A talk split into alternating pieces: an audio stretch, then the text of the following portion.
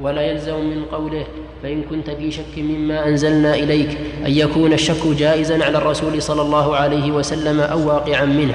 ألا ترى قوله تعالى قل إن كان للرحمن ولد فأنا أول العابدين؟ هل يلزم منه أن يكون الولد جائزا على الله تعالى أو حاصلا؟ كلا فهذا لم يكن حاصلا ولا جائزا على الله تعالى. قال الله تعالى وما ينبغي للرحمن أن يتخذ ولدا إن كل من في السماوات والأرض إلا آتي الرحمن عبدا. ولا يلزم من قوله تعالى فلا تكونن من الممترين. أن يكون الامتراء واقعا من الرسول صلى الله عليه وسلم لأن النهي عن الشيء قد يوجه إلى إلى من لم يقع منه. ألا ترى قوله تعالى ولا يصدنك عن آيات الله بعد إذ أنزلت ولا. ولا يصدنك. يصدنك و ولا يصدنك ولا يصدنك عن آيات الله بعد إذ أنزلت إليك. وادع إلى ربك ولا تكونن من المشركين. ومن المعلوم أنهم ومن المعلوم أنهم لم يصدوا النبي صلى الله عليه وسلم عن آيات الله. وأن النبي صلى الله عليه وسلم لم يقع منه لم يقع منه لم يقع منه شرك. والغرض من توجيه النهي إلى من لم يقع منه التنديد إلى, إلى نعم. والغرض من, من توجيه النهي إلى إلى من إلى من لا يقع إلى من لا يقع منه. إلى من لا يقع منه. يقع. إلى من لا يقع منه التنديد بمن وقع منه والتحذير من منهاجهم. وبهذا يزول الاشتباه وظن ما لا يليق بالرسول صلى الله عليه وسلم. نعم. هذه الآية كما عرفتم آه، أهل الزيغ يتخذون منها طعنا بمن؟ بالرسول صلى الله عليه وسلم. ومعلوم إذا ثبت الطعن لم يصح أن يكون رسولا. لكن نقول آه، إنه لا يلزم من قول إن كنت في شك مما أنزلنا إليك أن يكون الشك جائزا ولا أن يكون واقعا من الرسول عليه الصلاة والسلام. لا يلزم. لكن إن فرض أن يكون فاسأل. ولهذا فرق العلماء بين إن وإذا. وكلاهما شرطيتان. قالوا إذا تفيد الوقوع وإن لا تفيده بل قد تأتي في أمحل المحال ألا ترى إلى قوله تعالى قل إن كان للرحمن ولد فأنا أول العابدين. هل يلزم من هذا أن أن يتخذ الله ولدا؟ لا يلزم. ولا يمكن أن يت... ولا يمكن أن الله يتخذ ولدا لقوله تعالى وما ينبغي للرحمن أن يتخذ ولدا. إذا ما معنى الآية؟ قل إن كان للرحمن ولد فأنا أول العابدين. معناها إن فرض أن له ولد فأنا أول العابدين لهذا الولد فلا أنكره. لكن هذا أمر غير ممكن. وإذا كان غير ممكن يعني إذا امتنع الشرط امتنع المشروط كقول الشاعر إذا شاب الغراب أتيت أهلي وصار القار كاللبن الحليب. ومعلوم أن الغراب لا يشيب وأن القار الأسود لا يكون كاللبن الأبيض.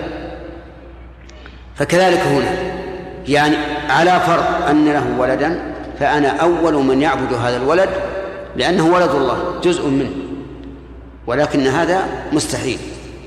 طيب هذا القول هو أحسن الأقوال ولا يحتاج إلى تقدير ولا إلى تمحل وقيل إن إن إن نافية. والمعنى قل ما كان للرحمن ولد. لأن إن تأتي بمعنى النفي.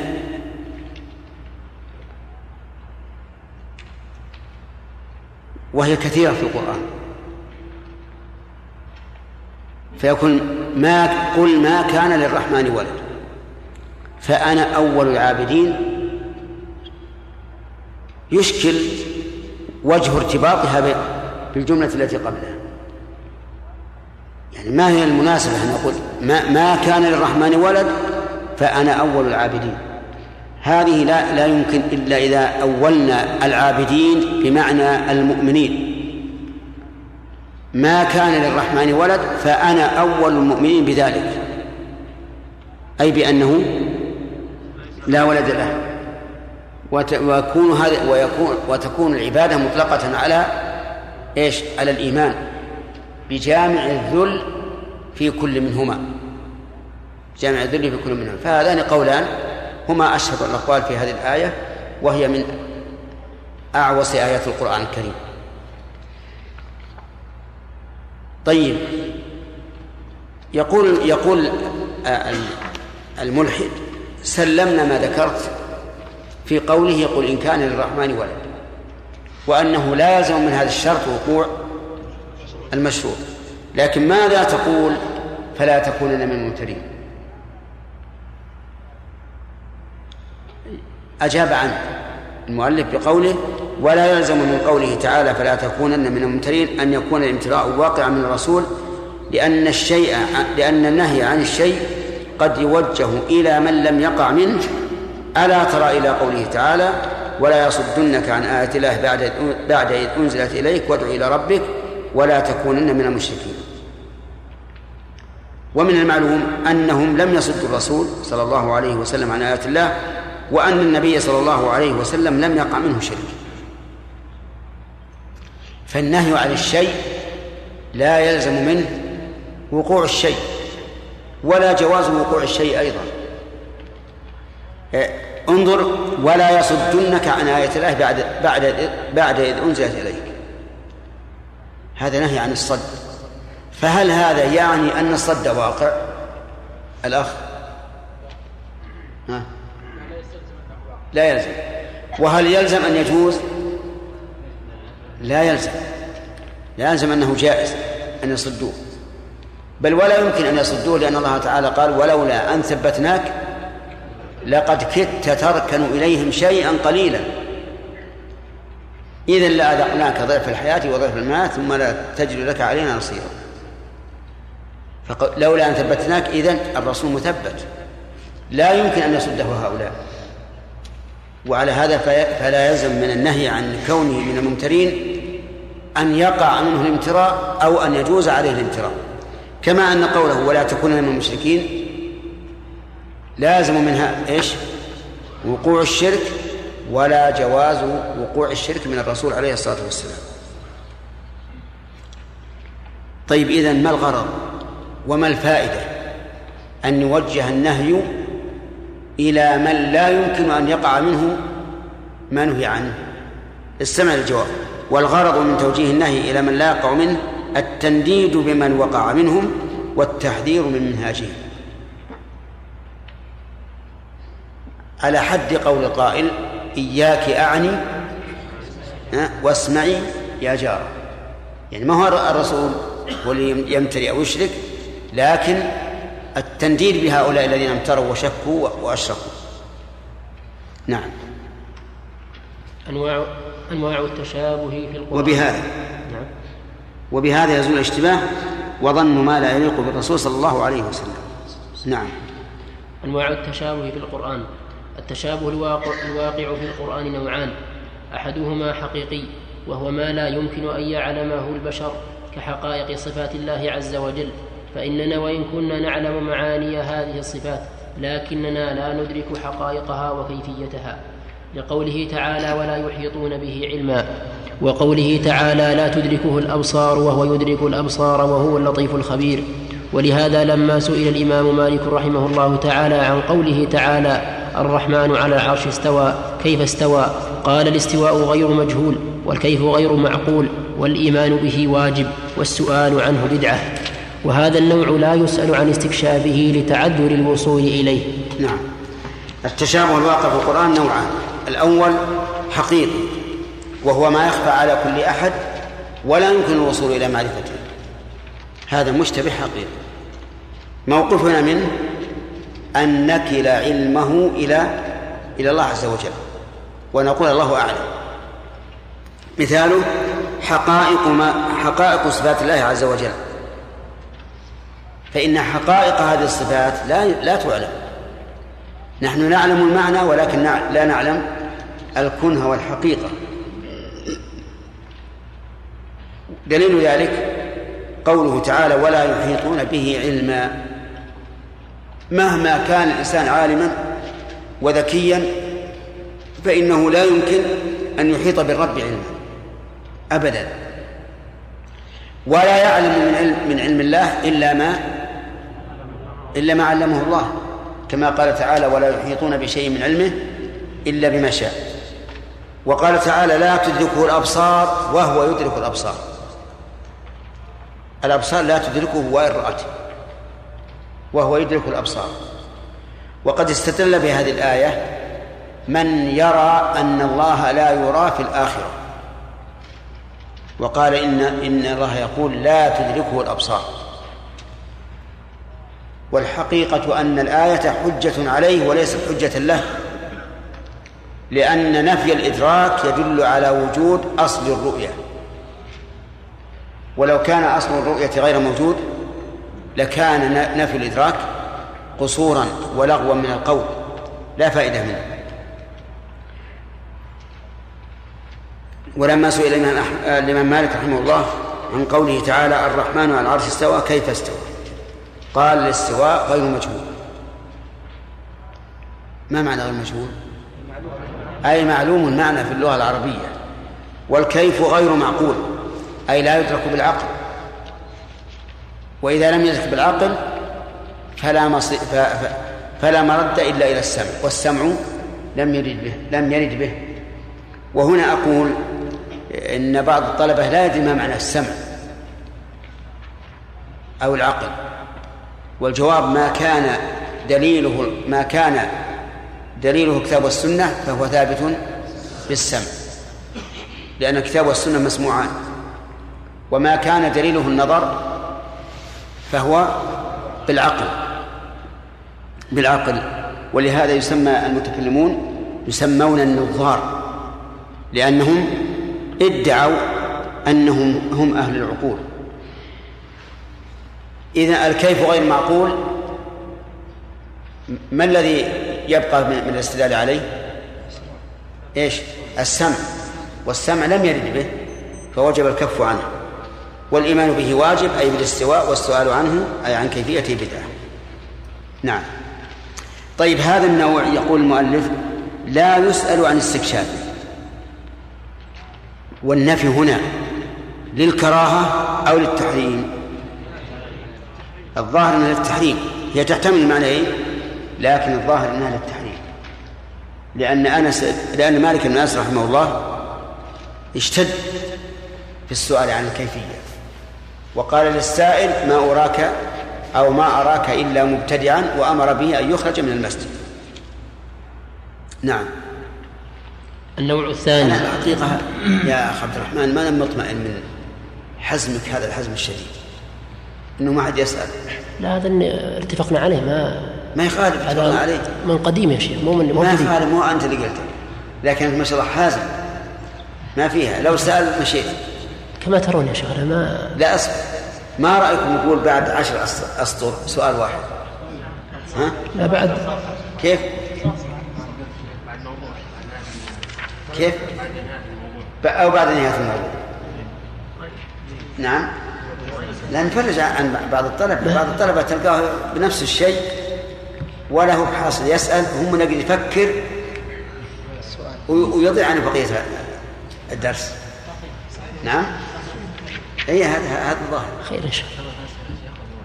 نعم؟ فعلى هذا نقول إذا انتهى كل موضوع لا بأس. والأسئلة كم؟ ثلاثة. طيب. اصبر انت ما ما بعد قررنا هذا. نعم. نبدأ بالأسئلة ولا بال... نعم. نبدأ بالأسئلة الآن. والله بكيف إن كان أثر رجعي كما يقولون لا بأس. انتهى الموضوع. يلا. أكثر ما تشوفون المثال الأسود السود والزرق. هذه تلب. ومجمعها عند العرب. من من من عرف الوجاج يقال لها المجاهيل تجمعها المجاهيل مثلا مثالك على الايتين اللي نعم. وهذه جمع يا شيخ جمع الاسود والازرق أي نعم. يجمعونها بكلمة المجاهد أي بس هذه عاد اصطلاح في الإبل خاصة. على كل حال الجمع عرفت انه إما أن يقال انه تكون سودا في بعض الوقت وزرقا في بعض الوقت أو انها أنها لشدة الزرقة صارت سوداء أو بعضهم يقول زرق العيون سود الوجوه المهم لا بد من الجمع. نعم. يا شيخ نخرج من قول أحدهما الحقيقي أن هناك آيات في كتاب الله عز وجل متشابهة على عموم الأمم ما يعلمها أحد. نعم. يعني نخرج بهذه القصيدة. إيه بس ما هو بالمعنى. الكن هو الحقيقة. أما المعنى فلا يوجد كلمة واحدة في كتاب الله مجهولة لكل أحد. طيب إذا قلنا بالكن والحقيقة ها؟ إذا قلنا بالكن والحقيقة يعني يصير غالب القرآن متشابه عليك. كيف أكثر القرآن أوامر ونواهي أكثر القرآن أوامر ونواهي. وهي معلومة. لكن أمور الغيب صحيح. مجهولة كنها مجهول إيش؟ يقولون ان التشابه الحقيقي في هذه الصفات يستلزم ان بهذه المعنى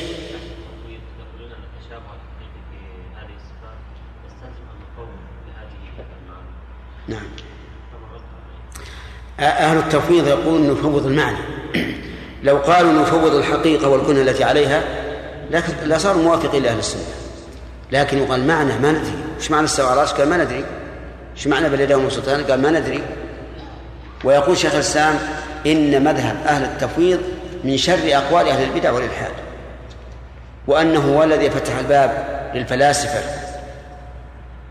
وقالوا إذا كنتم أنتم لا تعرفون المعنى روحوا صفر اليسار. نحن لا نعلم نعلم معنى. ها؟ من أشد ما يصير. لكن ما رأيت أحد كفرهم انما هذا كلام الشيخ. نعم. النوع الثاني نسبي وهو ما يكون مشتبها على بعض الناس دون بعض. فيكون معلوما للراسخين في العلم دون غيرهم. وهذا النوع يسأل عن استكشافه وبيانه لإمكان الوصول إليه إذ لا يوجد في القرآن شيء لا يتبين معناه لأحد من الناس. قال الله تعالى هذا بيان للناس وهدى وموعظة للمتقين. وقال بيان للناس كل الناس. وهدى وموعظة لمن؟ للمتقين. يعني لا يهتدي به ويتعظ به إلا المتقون. أما البيان فهو بين. نعم. وقال ونزلنا عليك الكتاب تبيانا لكل شيء. وقال فإذا قرأناه فإذا قرأناه فاتبع قرآنه ثم إن علينا بيانه. وقال يا أيها الناس قد جاءكم برهان من ربكم وأنزلنا إليكم نورا مبينا. وأمثلة هذا وأمثلة نزلنا عليك الكتاب تبيانا لكل شيء. إذن وبين لأن المبين للشيء لا بد أن يكون هو بينا وقال تعالى فإذا قرأناه فاتبع قرآنه. ثم إن علينا بيانه. إذا قرأناه يعني إذا قرأه جبريل عليك. ونسب الله قراءة جبريل إليه لأنه رسول. رسوله إلى محمد. قال ثم إن علينا بيانه.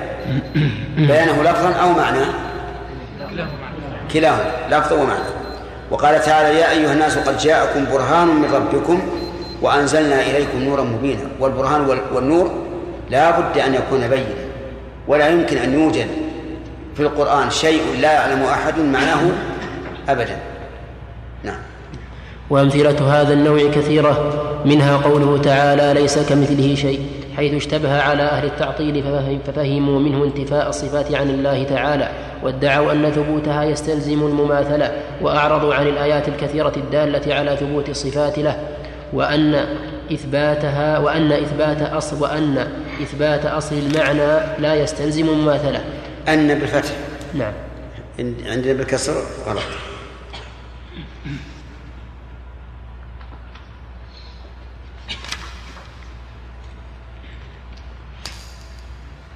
ومنها قوله تعالى طيب هذه الآية ظل فيها طائفتان.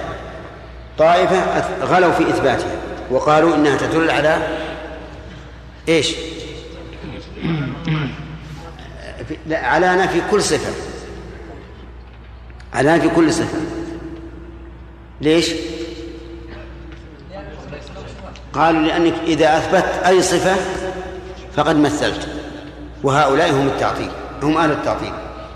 وبعضهم قال إنه ليس كمثل شيء في الصفات الخبرية فقط كالوجه واليدين وأشباه ذلك. و وبعضهم قال إنه ليس كمثله شيء في, في, في كل الصفات وأن نفي المثل يدل على ثبوت أصل المعنى. لأنه لولا ثبوت أصل المعنى لكان نفي المثل إيش؟ لا فائدة منه ولكان لغوا لا فائدة منه. نعم. ومنها قوله تعالى ومن يقتل مؤمنا متعمدا فجزاؤه جهنم خالدا فيها وغضب الله عليه ولعنه وأعد له عذابا عظيما. حيث اشتبه على الوعيدية ففهموا منه أن قاتل المؤمن عمدا مخلد في النار وطردوا ذلك في جميع أصحاب الكبائر وأعرضوا عن الآيات الدالة على أن كل ذنب دون الشرك فهو تحت مشيئة الله تعالى. من هم الوعيدية؟ هم المعتزلة والخوارج.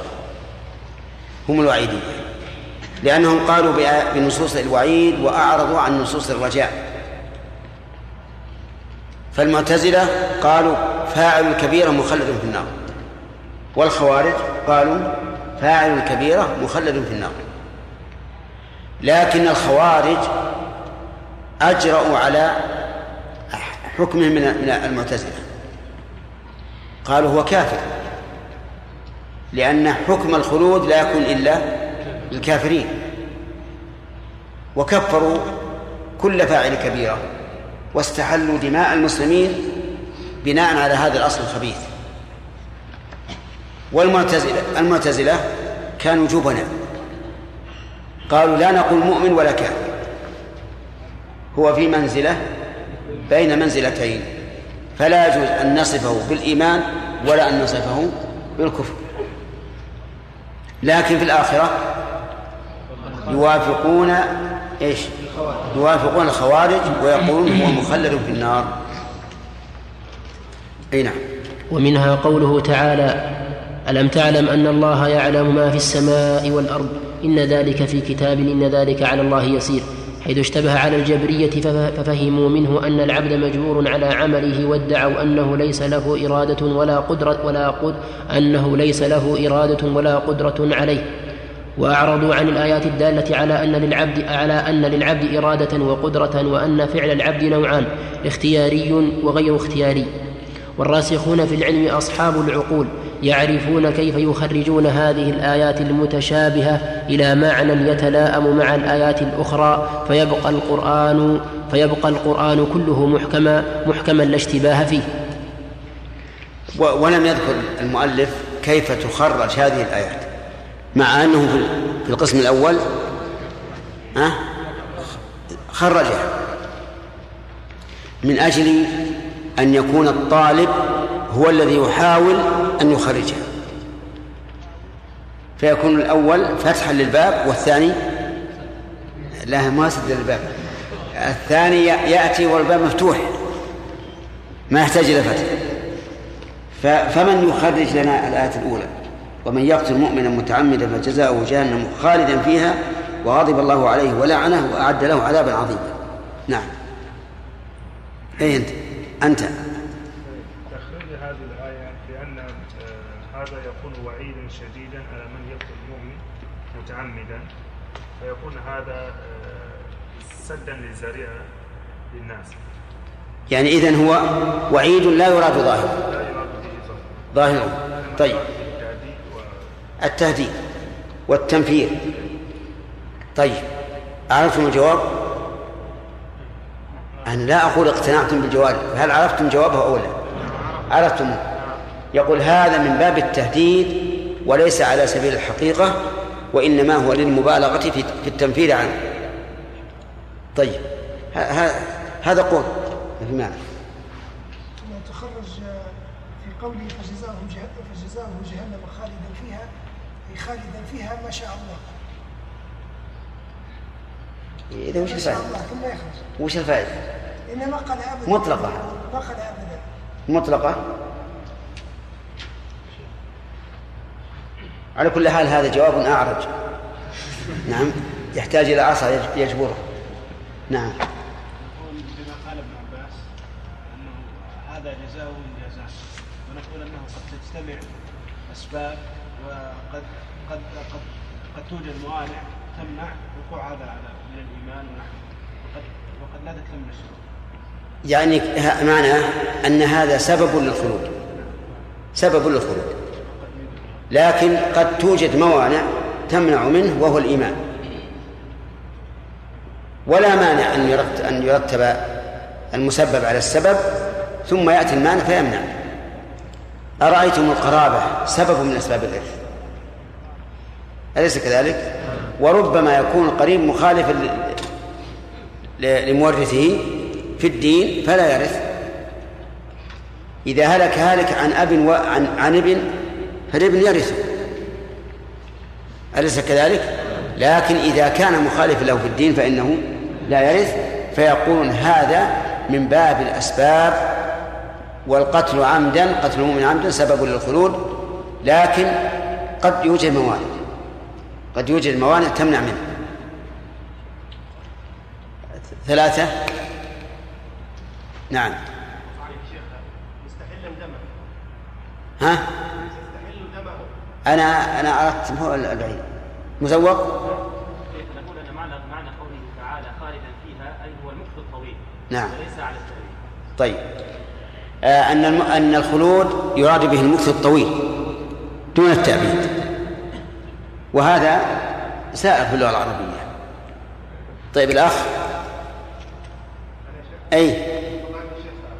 متعمدا ان يستحل دمه. يكون خالدا بمعنى الخلود الحقيقي. نعم. يعني معناها أنه ومن يقتل مؤمنا متعمدا مستحلا دمه. مستحلا دمه فجزاؤه جهنم خالدا فيها. وهذا الجواب ذكر للإمام أحمد رحمه الله.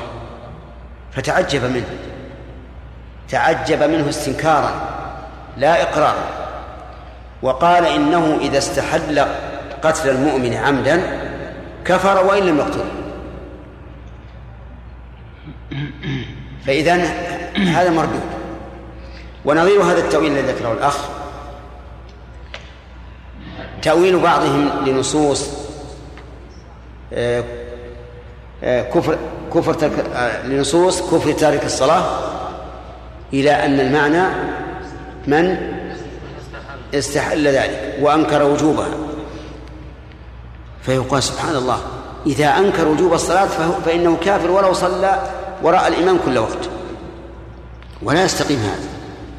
على كل حال هذه أربعة أجوبة. أقربها إلى الصواب أن يقال إن هذا من باب الأسباب والأسباب قد يوجد لها موانع تمنع.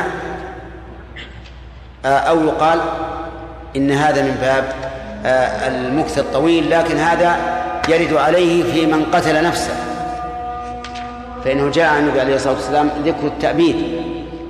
من قتل نفسه بشيء فإنه يعذب به في جهنم خالدا مخلدا أبدا. الله أكبر.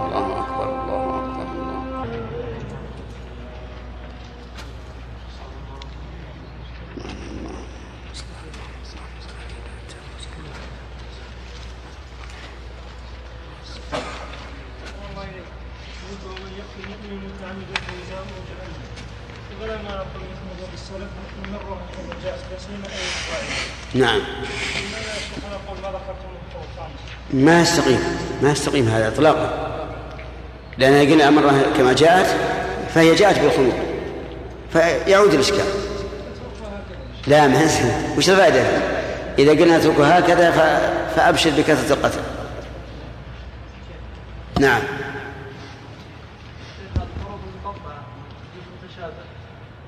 عند قوم. والصحيح أنها ليس ليست من المتشابه حروف الهجائيه المبدوءة بها السور. الصحيح أنها ليست من المتشابه بل من الواضح وأنه ليس لها معنى.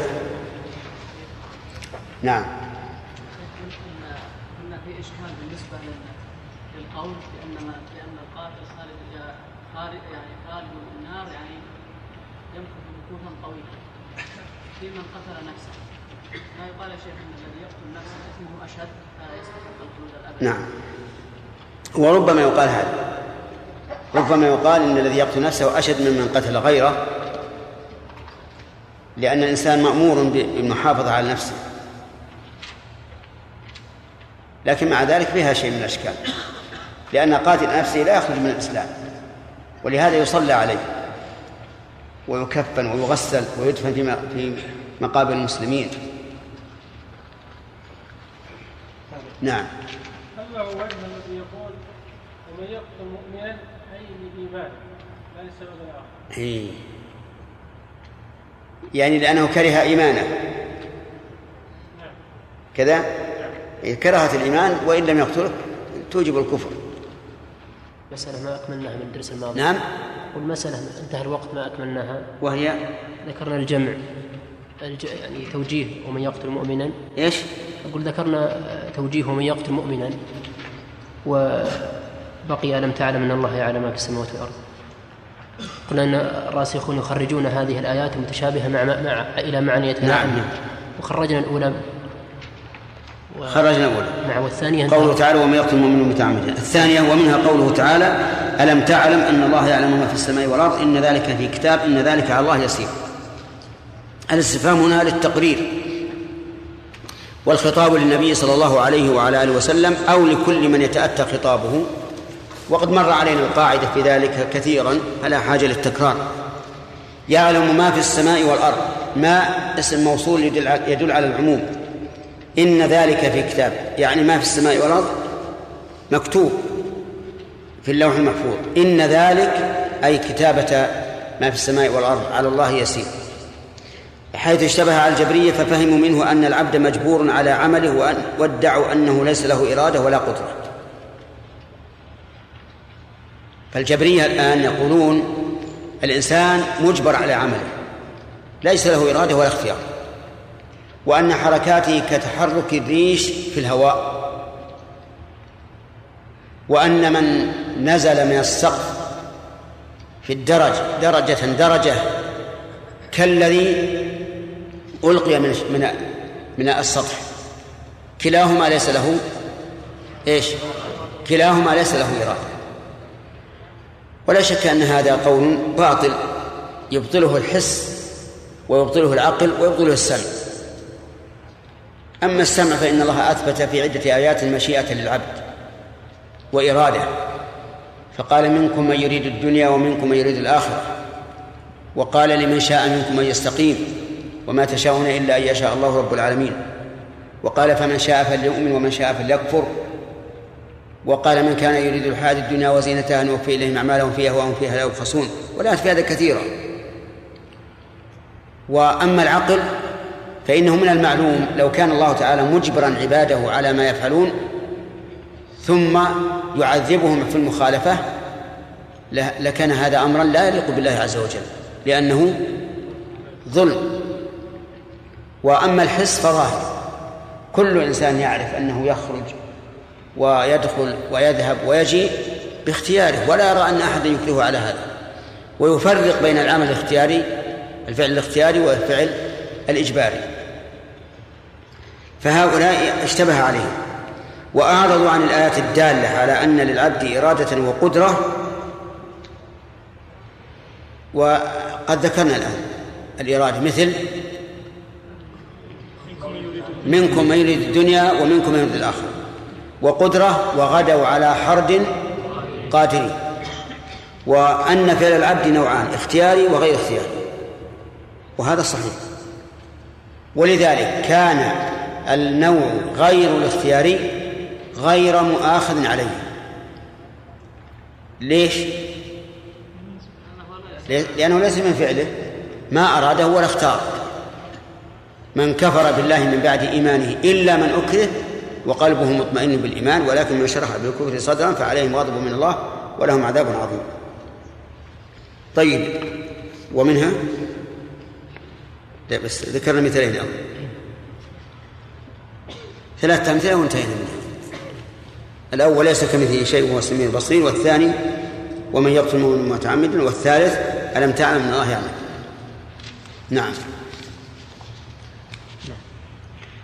بسم الله الرحمن الرحيم. الحمد لله رب العالمين وصلى الله وسلم على عبده ورسوله نبينا محمد وعلى آله وصحبه أجمعين. قال شيخنا حفظه الله تعالى الحكمة في تنوع القرآن إلى محكم ومتشابه. لو كان القرآن كله محكما لفاتت الحكمة من الاختبار به تصديقا وعملا لظهور, مع لظهور معناه وعدم المجال لتحريفه والتمسك بالمتشابه ابتغاء الفتنة وابتغاء تأويله. ولو كان ولو كان كله متشابها لفاتت لفات كونه بيانا وهدى للناس ولما أمكن العمل به وبناء العق ولما أمكن العمل به وبناء العقيدة السليمة عليه. ولكن الله تعالى بحكمته جعل جعل منه آيات محكمات يرجع, يرجع إليهن عند التشابه وأخر متشابهات امتحانا للعباد ليتبين صادق الإيمان ممن في قلبه زيغ. فإن صادق الإيمان يعلم أن القرآن كله من عند الله تعالى وما كان من عند الله فهو حق ولا يمكن أن يكون فيه باطل أو تناقض. لقوله تعالى لا يأتيه الباطل من بين يديه ولا من خلفه تنزيل من حكيم حميد وقوله ولو كان من عند غير الله لوجدوا فيه اختلافا كثيرا وأما من, وأما من في قلبه زيغ فيتخذ من المتشابه سبيلا إلى تحريف المحكم واتباع الهوى. في التشكيك في الأخبار والاستكبار عن الأحكام ولهذا تجد كثيرا من المنحرفين في العقائد والأعمال يحتجون على انحرافهم بهذه الآيات المتشابهة. نعم. هذه لو كان القرآن كله محكما لفاتت الحكمة من الاختبار والامتحان. ولو كان كله متشابها لفات البيان للناس والإيضاح.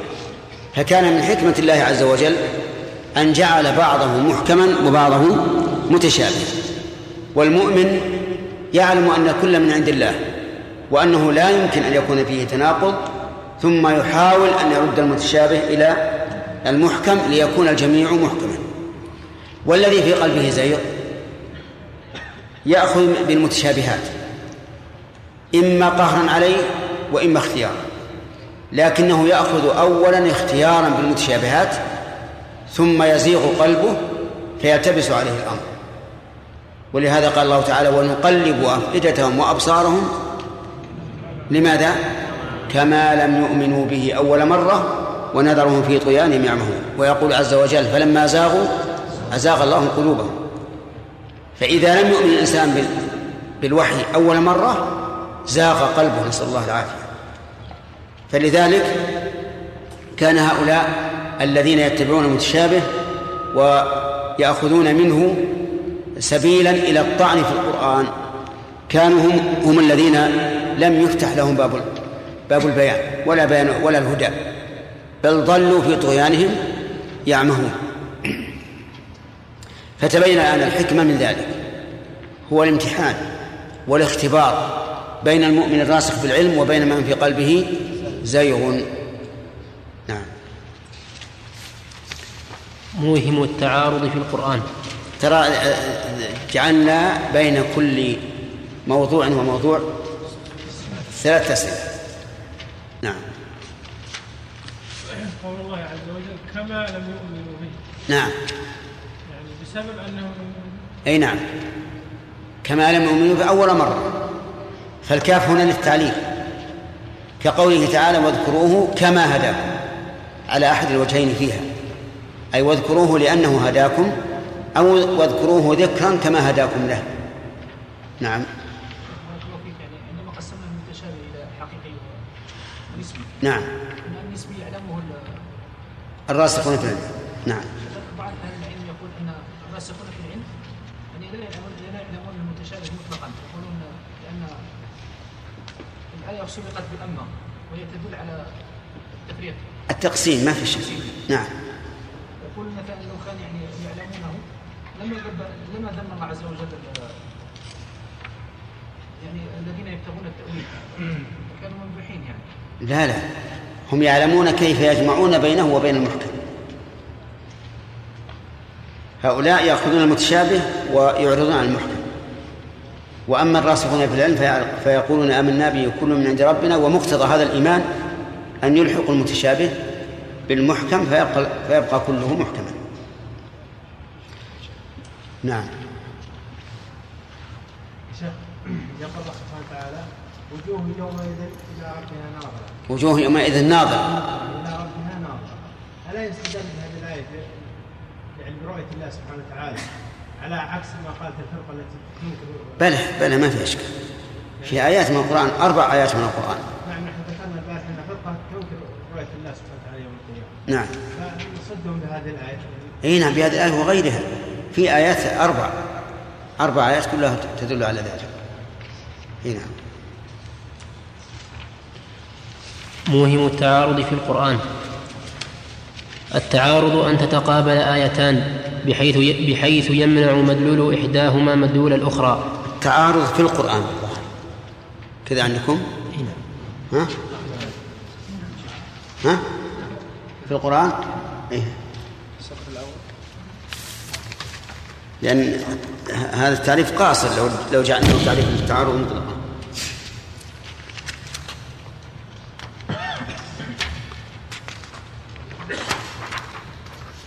التعارض في القرآن.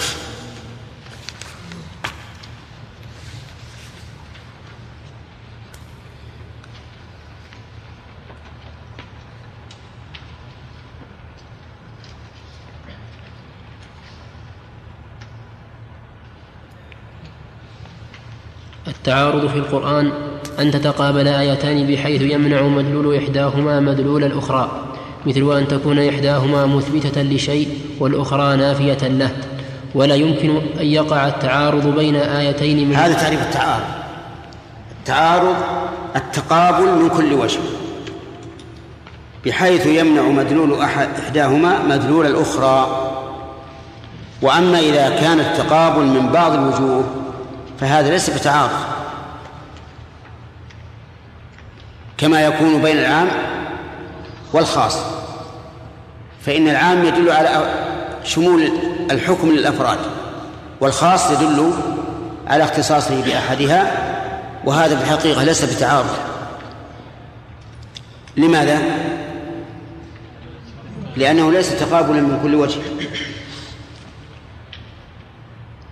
نعم. ولا يمكن أن يقع التعارض بين آيتين مدلولهما خبري. لأنه يلزم كون إحداهما كذبا وهو مستحيل في أخبار يلزم منه ولا؟ منه يلزم كونه.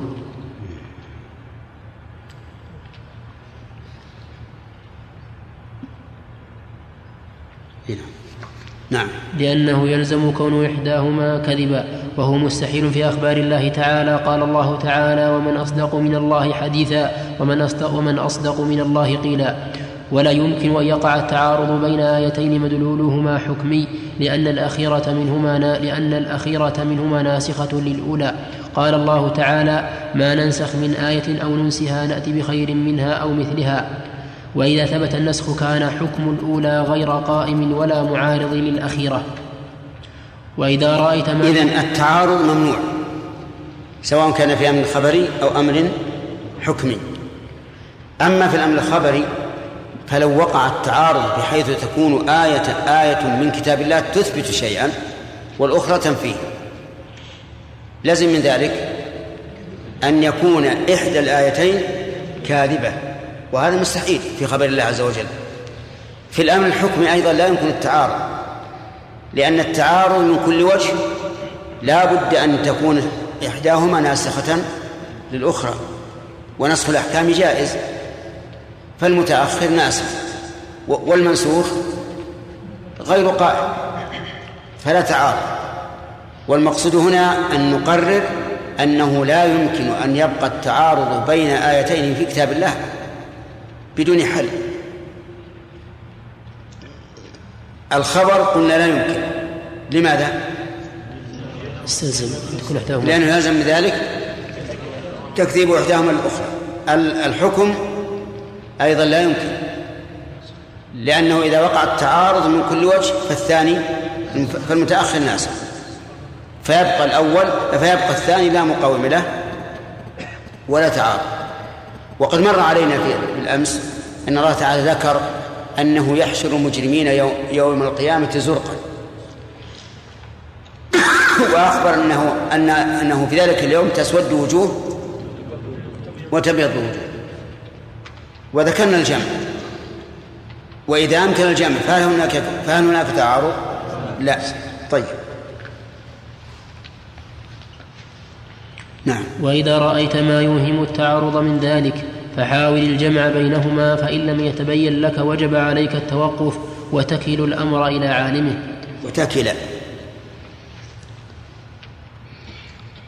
نعم. فإن لم يتبين لك وجب عليك التوقف وتكل الأمر إلى عالمه. وقد ذكر العلماء رحمه ليش بالنصب؟ وهي فعل مضارع. مصدر. ها؟ توقفا كيف؟ لا وتكل. هنا سبقت بمصدر أقول سبقت بمصدر. يعني عطفت؟ على اسم الخالص على مصدر. وإن على اسم خالص؟ فعل عطف. فعلا عطف. تنصبه. فعل عطف. تنصبه. عن ثابتا أو منحذف ومنه قوله ولبس عباءة وتقر عين نعم. وقد ذكر العلماء رحمهم الله أمثلة كثيرة لما يوهم التعارض وبينوا الجمع في ذلك ومن, ومن أجمع ما رأيت في هذا الموضوع كتاب دفع كتاب دفع دفع إيهام الاضطراب عن اي الكتاب للشيخ محمد الأمين الشنقيطي رحمه الله تعالى. فمن أمثلة ذلك قوله تعالى وهل هل هذا البحث هل هو مهم بالنسبة للقرآن؟ نعم. نعم مهم. لأن الإنسان يتعود به كيف يجمع بين الآيات. ويوقن بأن القرآن ليس فيه تعارض. فهو مهم جدا. لذلك ينبغي للإنسان أن يطالع مثل هذه الكتب التي آه، التي فيها الجمع بين الآيات التي ظاهرها التعارض. نعم. فمن أمثلة ذلك قوله, قوله تعالى في القرآن هدى للمتقين وقوله فيه شهر رمضان الذي أنزل فيه القرآن هدى للناس فجعل هداية القرآن في الآية الأولى خاصة بالمتقين وفي الآية الثانية عامة للناس. والجمع بينهما أن الهداية في الأولى هداية التوفيق والانتفاع والهداية في الثانية هداية التبيين والإرشاد. ونظير هاتين الآيتين. واضح؟ لأن هدى للمتقين وهدى للناس بينهم تعارض يعني في فيما يظهر لأن المتقين أخص من من عموم الناس. فيقال الجمع بينهما أن الهداية هدايتان هداية توفيق وعمل وهذا للمتقين. وهداية بيان وإرشاد وهذا لجميع الناس. نعم. ونظير هاتين الآيتين قوله تعالى في الرسول صلى الله عليه وسلم إنك لا تهدي من أحببت ولكن الله يهدي من يشاء. وقوله فيه وإنك لا تهدي إلى صراط مستقيم. فالأولى هداية التوفيق والثانية هداية التبيين. ومن أمثلة ومن أمثلة ذلك قوله قوله إنك لا تهدي من أحببت. أين عائد من؟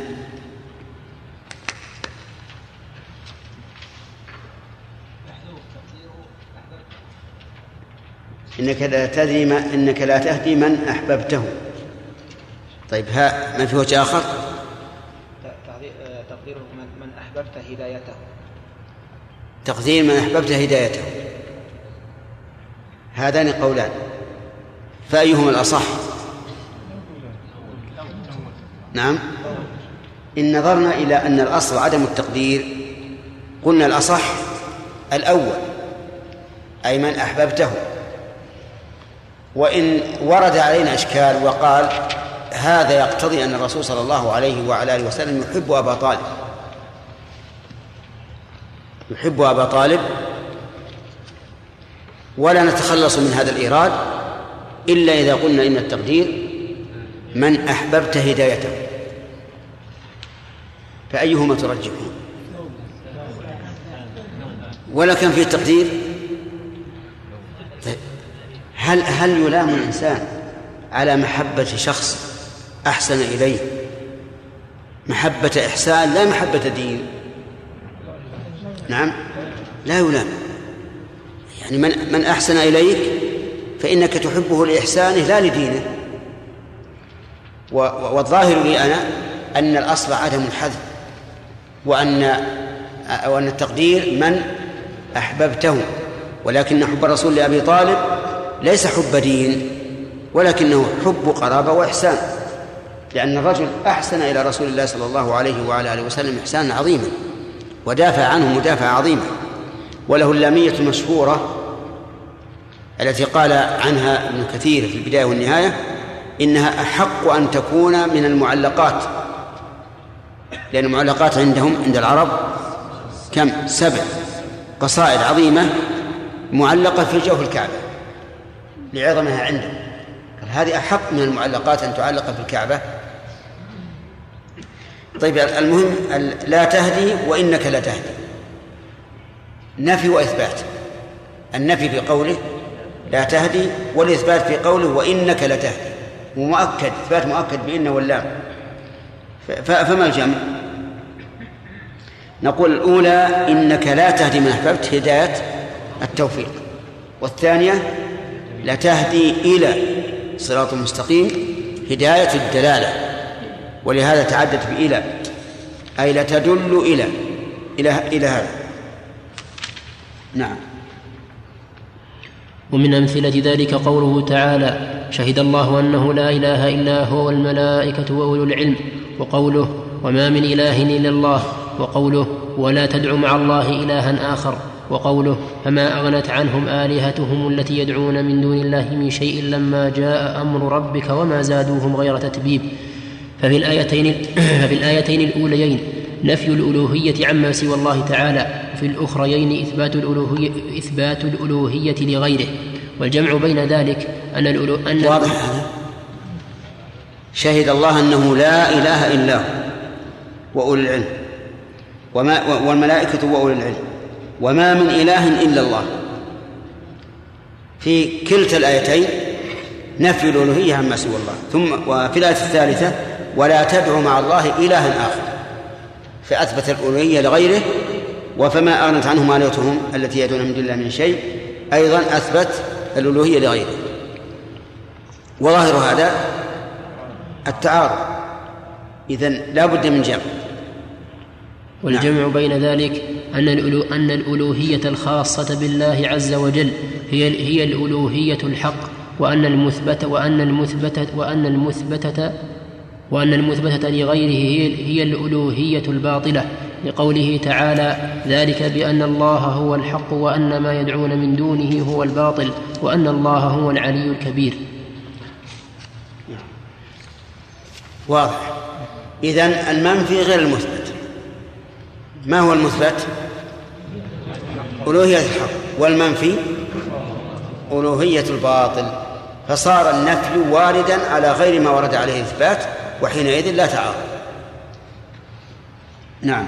ومن أمثلة ذلك قوله تعالى قل إن الله لا يأمر بالفحشاء وقوله وإذا أردنا أن نهلك, أن نهلك قرية أمرنا متر فيها ففسقوا فيها فحق عليها القول فدمرناها تدميرا. ففي الآية الأولى نفي ففي الآية الأولى نفي أن, أن نعم. ففي, ففي الآية الأولى النقط غلط. ففي الآية الأولى نفى أن يأمر الله تعالى بالفحشاء وظاهر الثانية أن الله تعالى يأمر بما هو فسق. والجمع بينهما أن الأمر في الآية الأولى هو الأمر الشرعي. والله تعالى لا يأمر شرعا بالفحشاء لقوله تعالى إن الله يأمر بالعدل والإحسان وإيتاء ذي القربى وينهى عن الفحشاء والمنكر والبغي والأمر في الآية الثانية هو الأمر الكوني والله تعالى يأمر كونا بما شاء حسب ما تقتضيه حكمته لقوله تعالى إنما أمره إذا أراد شيئا أن يقول له كن فيكون. ومن رام زيادة أمثلة فليرجع إلى كتاب الشنقيطي المشار إليه آنفا. نعم. هذا أيضا مثال وهو قوله قل إن الله لا يأمر بالفحشاء. ردا على قولهم إذا فعلوا فاحشة وجدنا عليها آباءنا والله أمرنا بها. فاعتلوا بأمرين. أولا أنهم وجدوا عليها آباءهم. والثاني أن الله أمرهم بها فأبطل الله الباطل وأحق الحق. فقال قل إن الله لا يأمر بالفحشاء. ولم يقل لم يجدوا عليها آباءهم. لماذا؟ لأنه حق. وفي الآية دليل على قبول الحق من غير أهل الحق. قبول الحق من غير أهل الحق. لأن المشركين لا ليسوا على الحق. لكن إذا قالوا الحق نقبله. وقد قبل النبي صلى الله عليه وعلى آله وسلم من اليهود.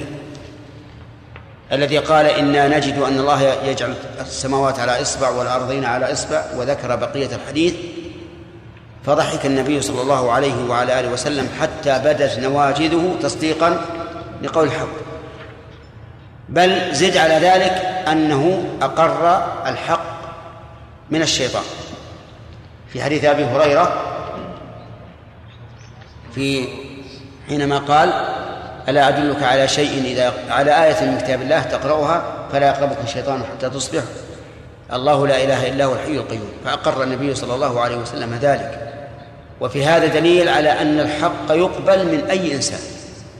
بعض الناس إذا جاء الحق من فاسق وهو حق واضح يقول لا أبدا هذا ما في خير ولا يمكن أن يأتي بخير.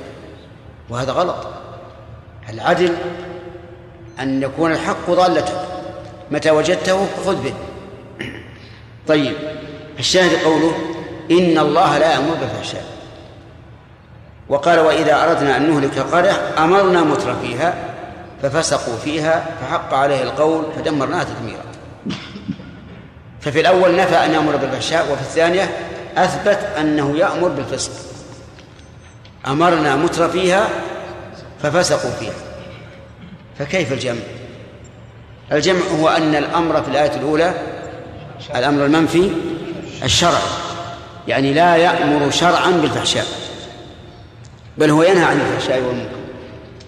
والأمر في الثانية الأمر الكوني فإن كل ما وقع في السماء والأرض فهو بأمره الكوني. لقوله تعالى إنما أمره إذا أراد شيئا أن يقول له كن فيكون. وبهذا اندفع إيش؟ التعارض. وما ذكرناه في الآية الثانية أمر متر فيها هو الحق الذي لا يجوز سواه. وذهب بعض العلماء إلى أن المعنى أمرنا متر فيها أمرا شرعيا ففسقوا فيها. وهذا غلط في الواقع.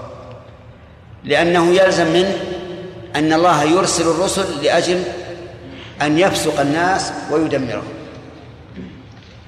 وإذا أردنا أن نهلك قرية أرسلنا الرسل إليهم ففسقوا فدمرناهم. وهذا غلط هذا ينافي الحكمة. كيف يرسل الله الرسل من أجل أن يعصي الناس ويفسقوا فيهلكهم؟ لكن المعنى إذا أردنا أن نهلك قرية وقد وجهنا إليهم الأوامر والنواهي أمرنا مترفيها أمرا كونيا ففسقوا. فيها. وفي هذا في هذا الحذر والتحذير من الترف. وأن المترف على خطر عظيم. لأنه هو الذي هو الذي يفسق. ومن ثم قال النبي صلى الله عليه وعلى آله وسلم والله ما الفقر أخشى عليكم والله ما الفقر أخشى عليكم وإنما أخشى أن تفتح عليكم الدنيا فتنافسوها كما تنافسها من قبلكم فتهلككم كما اهلكتهم وهذا هو الواقع. كلما ازدادت النعم على الإنسان ازدادت طغيانا. لأنه يرى أنه استغنى وليس بحاجة لأحد. كلا إن الإنسان لا يطغى أن رآه استغنى. نعم. بين الإرادة الشرعية الفروق بين الإرادة الشرعية والإرادة الكونية. إن سمحت أن تصبر إلى غد إن شاء الله حيث ستأتي في في العقيدة فهو خير. نعم. إيش؟ إيش؟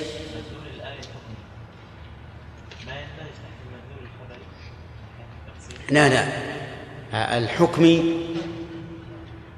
يقابله الاستكبار من العبد والخبر يقابله التكذيب.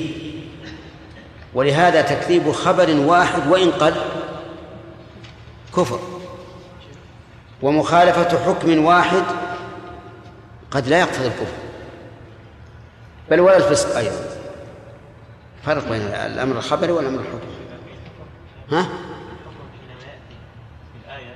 يأتي على صيغة الإقرار لا يعني على افعل أو لا تفعل.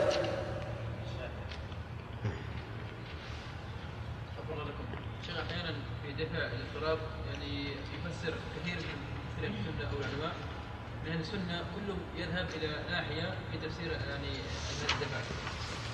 وكل يتكلم في الآخر ويقول أن يعني أن خصمي على خطأ وكلاهما ليس من البدع.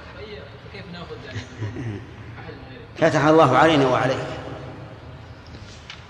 هل الإنسان إذا كان عنده ملكة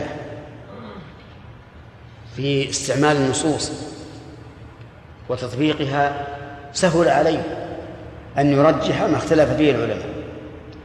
وإن لم يكن عنده ملكة فليتبع من يرى أنه أقرب إلى الصواب لغزارة علمه وقوة أمانته. نعم. ثلاثة نعم. ها؟ كيف؟ كقوله تعالى ما أصابك من حسنة من الله وما أصابك من سيئة فمن نفسك الشيخ هنا بعض الناس يحتج ب- آه، باحتجاج بالمعصية بالقدر عن المعصية. وبعضهم قال أن الحسنة هنا يقصد الغنيمة والسيئة يقصد المصائب المصيبة التي وقعت. شيخ على هذا التفسير الأول الذين قالوا الشيخ معنى الحسنة هي المعروف والسيئة هي ضد ضد السيئة. نعم. نعم كيف نجيب على شبهة هؤلاء؟ أي شيء هل جواز الاحتجاج بالقدر على المعصية؟ أي. نقول لهم نقول لا شك أن المصائب سببها عمل العبد. وما أصابكم من مصيبة فبما كسبت أيديكم. عامة. ما أصابكم من مصيبة جاءت من الزائدة بعد النفي لتأكيد العموم. فأسباب المعاصي آه، أسباب المصائب هي المعاصي. ولكن لا يلزم أن تكون المعصية من كل فرد. قد تكون المعصية من العموم والعقوبة آه، يعني قد تكون المعصية من العموم وبعض الأفراد لم يعصي لكن العقوبة تكون شاملة. كما قال تعالى واتقوا فتنة لا تصيبن الذين ظلموا منكم خاصة. ثلاثة؟ طيب. وأربعة يا شيخ نعم. هم إيه بأربعة؟ ها؟ أقول أربعة. أربعة؟ طيب. المثبت مقدم على النافع. أيوب. كيف؟ اي نعم. تمام. لا وأيضا المثبت مقدم على النافع لأن عندنا الآن حجاج ينفي الرابع والاخ عبد الرحمن يثبته والمثبت مقدم على النافع. ثم هم يقولون إذا تعارض نصان فالناقل عن الأصل مقدم. حجاج ماشي على إيش؟ على الأصل الثلاثة. وعبد الرحمن ناقل عن الأصل فمعه زيادة علم. وحينئذ يترجح قول عثمان من وجه عبد الرحمن من وجهين. نعم. القسم. القسم بفتح القاف والسين اليمين وهو تأكيد الشيء بذكر معظم بالواو أو إحدى أخواتها وأدواته ثلاث. الواو. طيب القسم غير القسم. القسم هو اليمين والحلف وله ألفاظ متعددة وهو تأكيد الشيء بذكر معظم لكن بصيغة مخصوصة. بصيغة مخصوصة. وهي حروف القسم الثلاثة. وعلى هذا فإذا قال الإنسان حرام علي أن أفعل فهذا ليس قسما. وليس قسما بغير الله وليس شركا لكن حكمه حكم اليمين. لأن الله تعالى قال يا أيها النبي لم تحرم ما أحل الله لك إلى أن قال قد فرض الله لكم تحلة أيمانكم فالقسم الذي جعله النبي صلى الله عليه وسلم من الشرك إنما هو تأكيد الشيء بذكر معظم بالواو أو إحدى أخواتها. وكم لها من أخت؟ نعم. لا لها أختان. وهي الثالثة نعم. ولذلك قال أدواته ثلاث. وأدواته ثلاث. الواو مثل قوله تعالى فورب السماء والأرض إنه لحق ويحذف معها العامل وجوبا ولا يليها إلا اسم ظاهر. شوف الآن خصائصه. انظر إلى خصائصها يحذف معها العامل وجوبا. فلا يصح أن تقول أقسم والله لتقومن بخلاف الباء تقول أقسم بالله. أما هذه لا, لا يجوز. فلو قلت أقسم والله لكان هذا التركيب غير عربي. لأنه لا بد أن يحذف معها فعل القسم. أيضا لا بد أن يليها اسم ظاهر أن يليها اسم ظاهر. فلا يجوز أن يليها ضمير بخلاف الباء. فإنه يجوز أن تقول الله أقسم به لتفعلن كذا. واضح؟ طيب. نعم. والباء مثل قوله مثل قوله تعالى لا أقسم بيوم القيامة ويجوز معها ذكر العامل كما في هذا المثال ويجوز حذفه كقوله تعالى عن إبليس قال فبعزتك لأغوينهم أجمعين. ويجوز أن يليها اسم ظاهر كما مثلنا وأن يليها ضمير كما في قولك الله ربي وبه أحلف لينصرن المؤمنين. طيب الآن الباء أوسع من من الواو لأنه يذكر معها فعل القسم. والواو لا يذكر. يليها الظاهر والمضمر والواو لا يليها إلا الظاهر. لا أقسم بيوم القيامة. هذا قسم مثبت ولا منفي؟ يا أخوان لا أقسم لا نافع. آه. نعم هي هذا موجود في القرآن بكثير لا أقسم بهذا البلد لا أقسم بيوم القيامة فلا أقسم بما تبصرون فلا أقسم برب المشارق فلا أقسم بمواقع النجوم كثير. وقد اختلف المفسرون في لا. فقيل نافية لمعنى لفعل محذوف. والتقدير في قوله لا أقسم بيوم القيامة لا صحة لما تزعمون من إنكار البعث أقسم بيوم القيامة. وقيل إن لا نافية. لفعل محذوف أيضا أو لمن فيه محذوف والتقدير لا حاجة لا أقسم نعم التقدير لا أقسم على كذا أنا قلت لشيء محذوف ولكن لشيء موجود التقدير لا أقسم بكذا على كذا لأنه لا يحتاج إلى قسم. هذا هذان الرأيان. الرأي الثالث يقول لا للتنبيه والجملة جملة ثبوتية لا جملة منفية. فالأقوال كم؟ ثلاثة. الأول أن لا نافية والمنفي محذوف. فلا تكون داخلة على أقسم. الثاني أن أن لا نافية داخلة على أقسم. والمعنى لا أقسم لأن الأمر أبين وأظهر من أن يحتاج إلى قسم. والثالث أن لا للتنبيه. وأقسم مثبت. قسم مثبت وهذا أصح وأقل تكلفا. وكما نعلم أن ألا تأتي للتنبيه فكذلك لا الخ... ال... التي ليس معها الهمزة تأتي للتنبيه. طيب يجوز معها ذكر العامل كما في هذا المثال. أين العامل؟ وين العامل في الأقسم بن القيامة؟ أقسم. طيب. ويجوز حذفه كقوله تعالى عن إبليس قال فبعزتك لأغوينهم أجمعين. أين القسم؟ فبعزتك. حرف القسم الباء. والمقسم به العزة والمقسم عليه لأغوينهم أجمعين. أين فعل القسم؟ محذوف. والتقدير فبعزتك أقسم لأغوينهم أجمعين. قال ويجوز أن يليها اسم ظاهر كما مثلنا وأن يليها ضمير كما في قولك. الله ربي وبه أحلف لينصرن المؤمنون المؤمنين. الله ربي وبه الب هنا؟ للقسم. بدليل قوله أحلف لينصرن المؤمنين. نعم. والتاء مثل قوله تعالى تالله لتسألن عما كنتم تفترون ويحذف معها العامل وجوبا ولا يليها إلا اسم, إلا, إلا اسم الله أو رب. مثل ورب الكعبة لأحجن إن شاء الله هذه هي أضيقها التاء أضيقها أولا أنه يحذف معها العامل وجوبا. ويشاركها في هذا الواو. ثانيا لا يليها إلا اسم الله أو الرب. بخلاف الواو. قال ابن مالك والتاء لله ورب. مثل ورب الكعبة لا أحجن إن شاء الله.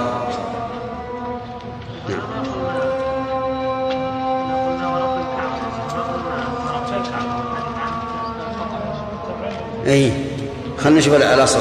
جزاك الله خير عبد الله.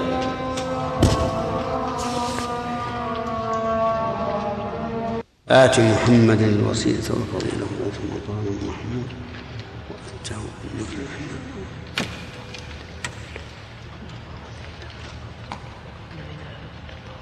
نعم.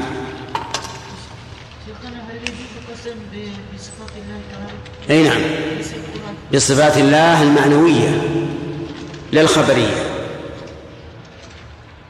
مثل القدرة والعزة والحكمة والرحمة أما اليد والعين فلا.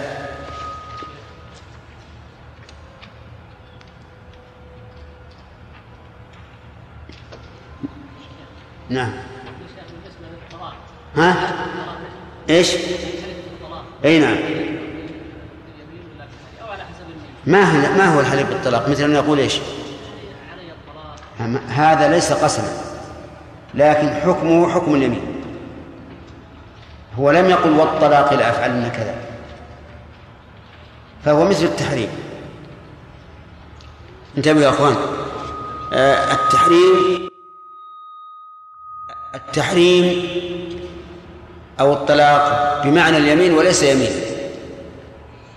لكن له حكم اليمين. ولهذا إذا قال الإنسان إن فعلت كذا فامرأتي طالق فهذا له حكم اليمين لكن لا يسمى يمينا. ولا يعد الرجل مشركا حالفا بغير الله. نعم عبد الله. جزاك الله خير. بمناسبة ذكر آية التحريم سمعت أحد طلبة العلم في شريط مسجل يتكلم على تفسيرها سئل عن قولها عليه الحرام فقال أنا لا أرى في هذا شيء وأما ما ينسبونه إلى يستدلون به من آية التحريم فلم يثبت أن الرسول صلى الله عليه وسلم قال عليه الحرام إنما حلف يمينا. هل في قوله هذا صحيح؟ الآية صريحة. لما تحرم ما أحل لك. والذي قال لن أعود إلى أكل العسل. لن أعود. ومثل هذا كلام الرسول بمنزلة التحريم. لكن في مسألة أنت علي حرام. هي حسب النيات. إذا قال أنت علي حرام فقد قال ابن عباس ليس بشيء. وقال مرة عليه عليه كفارة يمين. لأنه إذا قال أنت علي حرام وأراد أنها حرام عليه فقد كذب. نقول إذا قلت لزوجتك أنت علي حرام فأنت كاذب. يعني إذا أراد الخبر فهو كاذب لماذا؟ لأنها حلال له. وكذلك لو قال الخبز علي حرام. ماذا نقول؟ نقول هذا كذب. ما دمت تخبر خبرا. فإن قلت إنه حرام إنشاء. إنشاء. وأراد تحريم ما أحل الله كان كافرا لأن العلماء يقولون إذا أنكر حل ما كان حله معلوما بالضرورة من الدين فهو كافر. وإذا قال هو علي حرام إنشاء لقصد الامتناع منه فهو يمين فهو يمين. حكم حكم اليمين إذا أكل منه إن كان الخبز أو إذا أتى أهله إذا كانت المرأة لزمه كفارة يمين. فالمهم أن النية لها أثر في هذه الألفاظ. انتهى الوقت انتهى.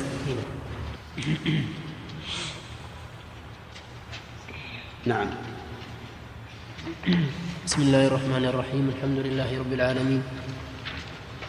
صلى الله وسلم على عبده ورسوله نبينا محمد وعلى آله وصحبه أجمعين. قال شيخنا حفظه الله تعالى في كتابه أصول في التفسير في بحث القسم. قال والأصل ذكر المقسم به وهو كثير كما في المثل السابقة. وقد يحذف وحده مثل قولك أحلف عليك لتجتهدن.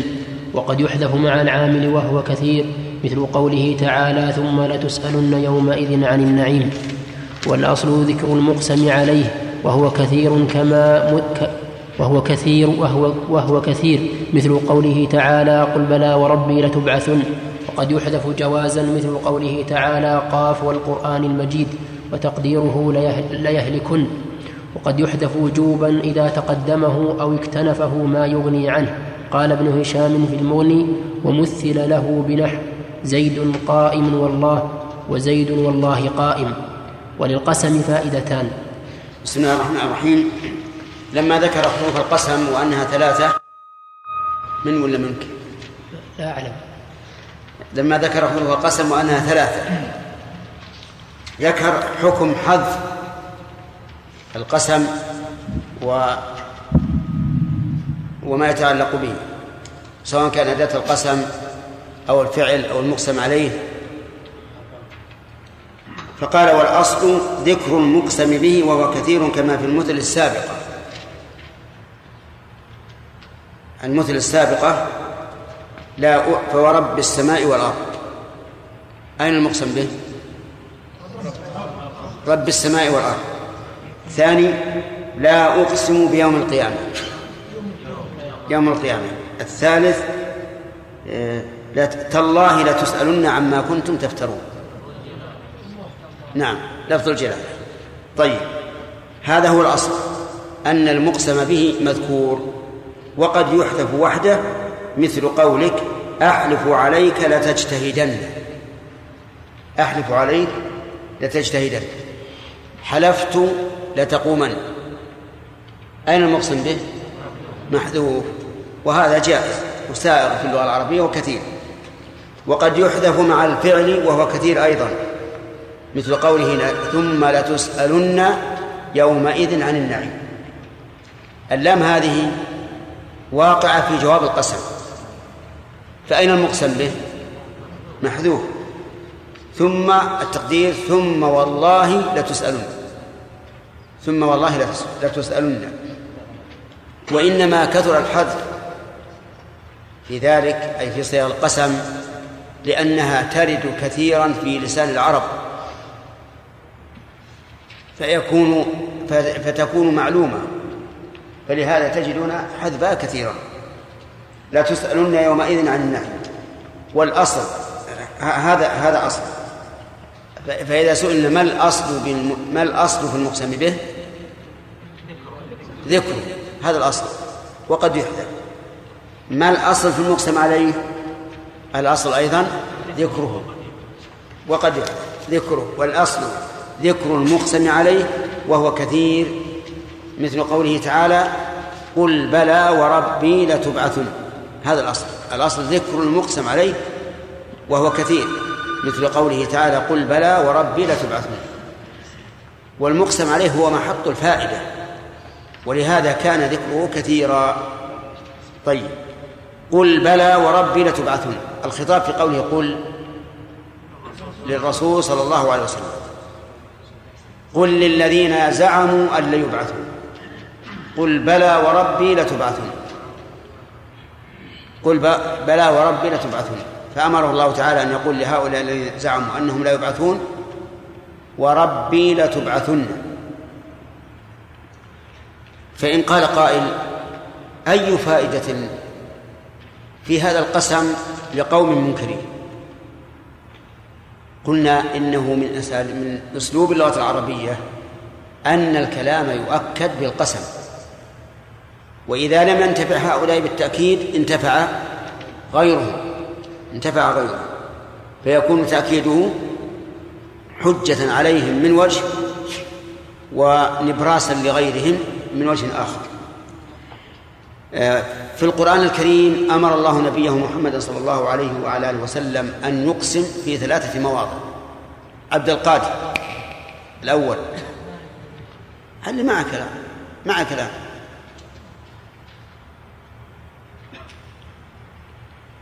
ما بين يديك. قل بلى وربي لتبعثون. عرفت؟ فأمر الله أن يقسم على أن البعث حق. وأنه لا بد أن يكون. الثاني؟ لا جنبه أحسنت. ويستنبئونك أحق هو قل إي وربي إنه الحق. ثالث. وقال الذين. قل بلى وربي لتأتينكم تمام. فأمر الله نبيه أن يقسم في هذه المواضع الثلاثة وكلها إما على البعث أو على القرآن. وقد يحذف جوازا. يحذف نائب الفاعل ما هو؟ المقسم عليه. قد يحذف جوازا مثل قوله تعالى قاف والقرآن المجيد. بل عجبوا أن جاءهم إلى آخر قاف من الحروف الهجائية وهي كثيرة في عدة سور من القرآن. وقد سبق أن القول الراجح أنها في حد ذاتها ليس لها معنى. والقرآن المجيد هذا المقسم به. المقسم عليه محذوف تقديره لا يهلكن لا يهلكن وهذا أحد القولين بل أحد الأقوال. وقيل إنه لا حاجة لذكر المقسم عليه لأنه مفهوم من السياق. السياق هو أن الآية تدل على إثبات البعث لقول بل عجبوا أن جاءهم منذر منهم فقال الكافرون هذا شيء عجيب أإذا متنا وكنا ترابا. ولذلك لو لو كان التقدير قاف والقرآن المجيد ليبعثن ليبعثن. لكان أقرب إلى السياق. من قوله لا يهلكن. لأن لأن الكلام هنا في تقرير إيش؟ في تقرير البعث.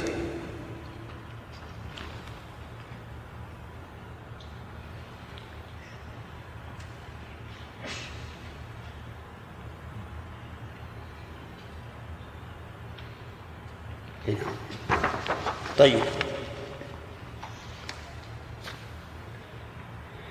فصار الآن عندنا ثلاث أقوال. القول الأول محذوف تقديره لا يهلكون. الثاني محذوف تقديره لا يبعثون. الثالث أنه لا حاجة لذكره ولا تقديره لأنه معلوم من السياق. طيب. وقد يحذف وجوبا إذا تقدمه أو اكتنفه ما يغني عنه فإنه يحذف وجوبا لأن ذكره يكون تكرارا بلا فائدة. مثاله زيد قائم والله. أو هذا تقدمه ما يدل عليه. لأن معنى زيد قائم والله معناه والله إن زيدا لقائم. فقد تقدمه ما يدل عليه فلا يحتاج إلى ذكره وذكره لغو. لأنك لو قلت زيد قائم والله ليقومن زيد. شو كلام ركيك؟ ما يستقيم. أو اكتنفه ما يدل عليه. اكتنفه يعني صار القسم بينه بين بين أجزاء الجملة التي تدل عليه. مثاله زيد والله قائم. الآن القسم نعم. في الوسط بين المبتدأ والخبر. لو لو قيل زيد والله قائم إنه لقائم صار لغو لا فائدة منه وكلام ركيك وكلاما ركيكا. طيب بقي عندنا الآن القسم إما متأخر وإما متوسط وإما متقدم. إذا تقدم فليس الجواب فليس الجواب بمحذوف. لو قال والله إن زيدا قائم ما في حذف ولذلك لو قال قائل إن القسمة تقتضي أن يكون المقسم به متوسطا أو متأخرا أو متقدما ماذا نقول؟ نقول إذا كان متقدما امشي يا جماعة. فلا حذف والله لزيد قائم ما في حذف إذا كان متأخرا أو متوسطا فهذا هو الذي يكون فيه الحذف ويقول ابن هشام إنه يحذف إيش؟ وجوبا لأن ذكره لغو لا فائدة منه بل لا يزيد الكلام إلا ركاكا صار إذن ال... الذي يحذف المقسم به والمقسم عليه. كذا؟ طيب. والمقسم؟ المقسم المقسم. المقسم لا يمكن يحذف لأنه هو المتكلم. أي نعم. قال وللقسم فائدتان. إحداهما آه، عند عبد الرحمن. وللقسم فائدتان.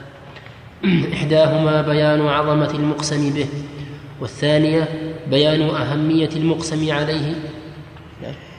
بيان أهمية المقسم عليه وإرادة توكيده. ولذلك لا يحسن القسم إلا في الأحوال التالية.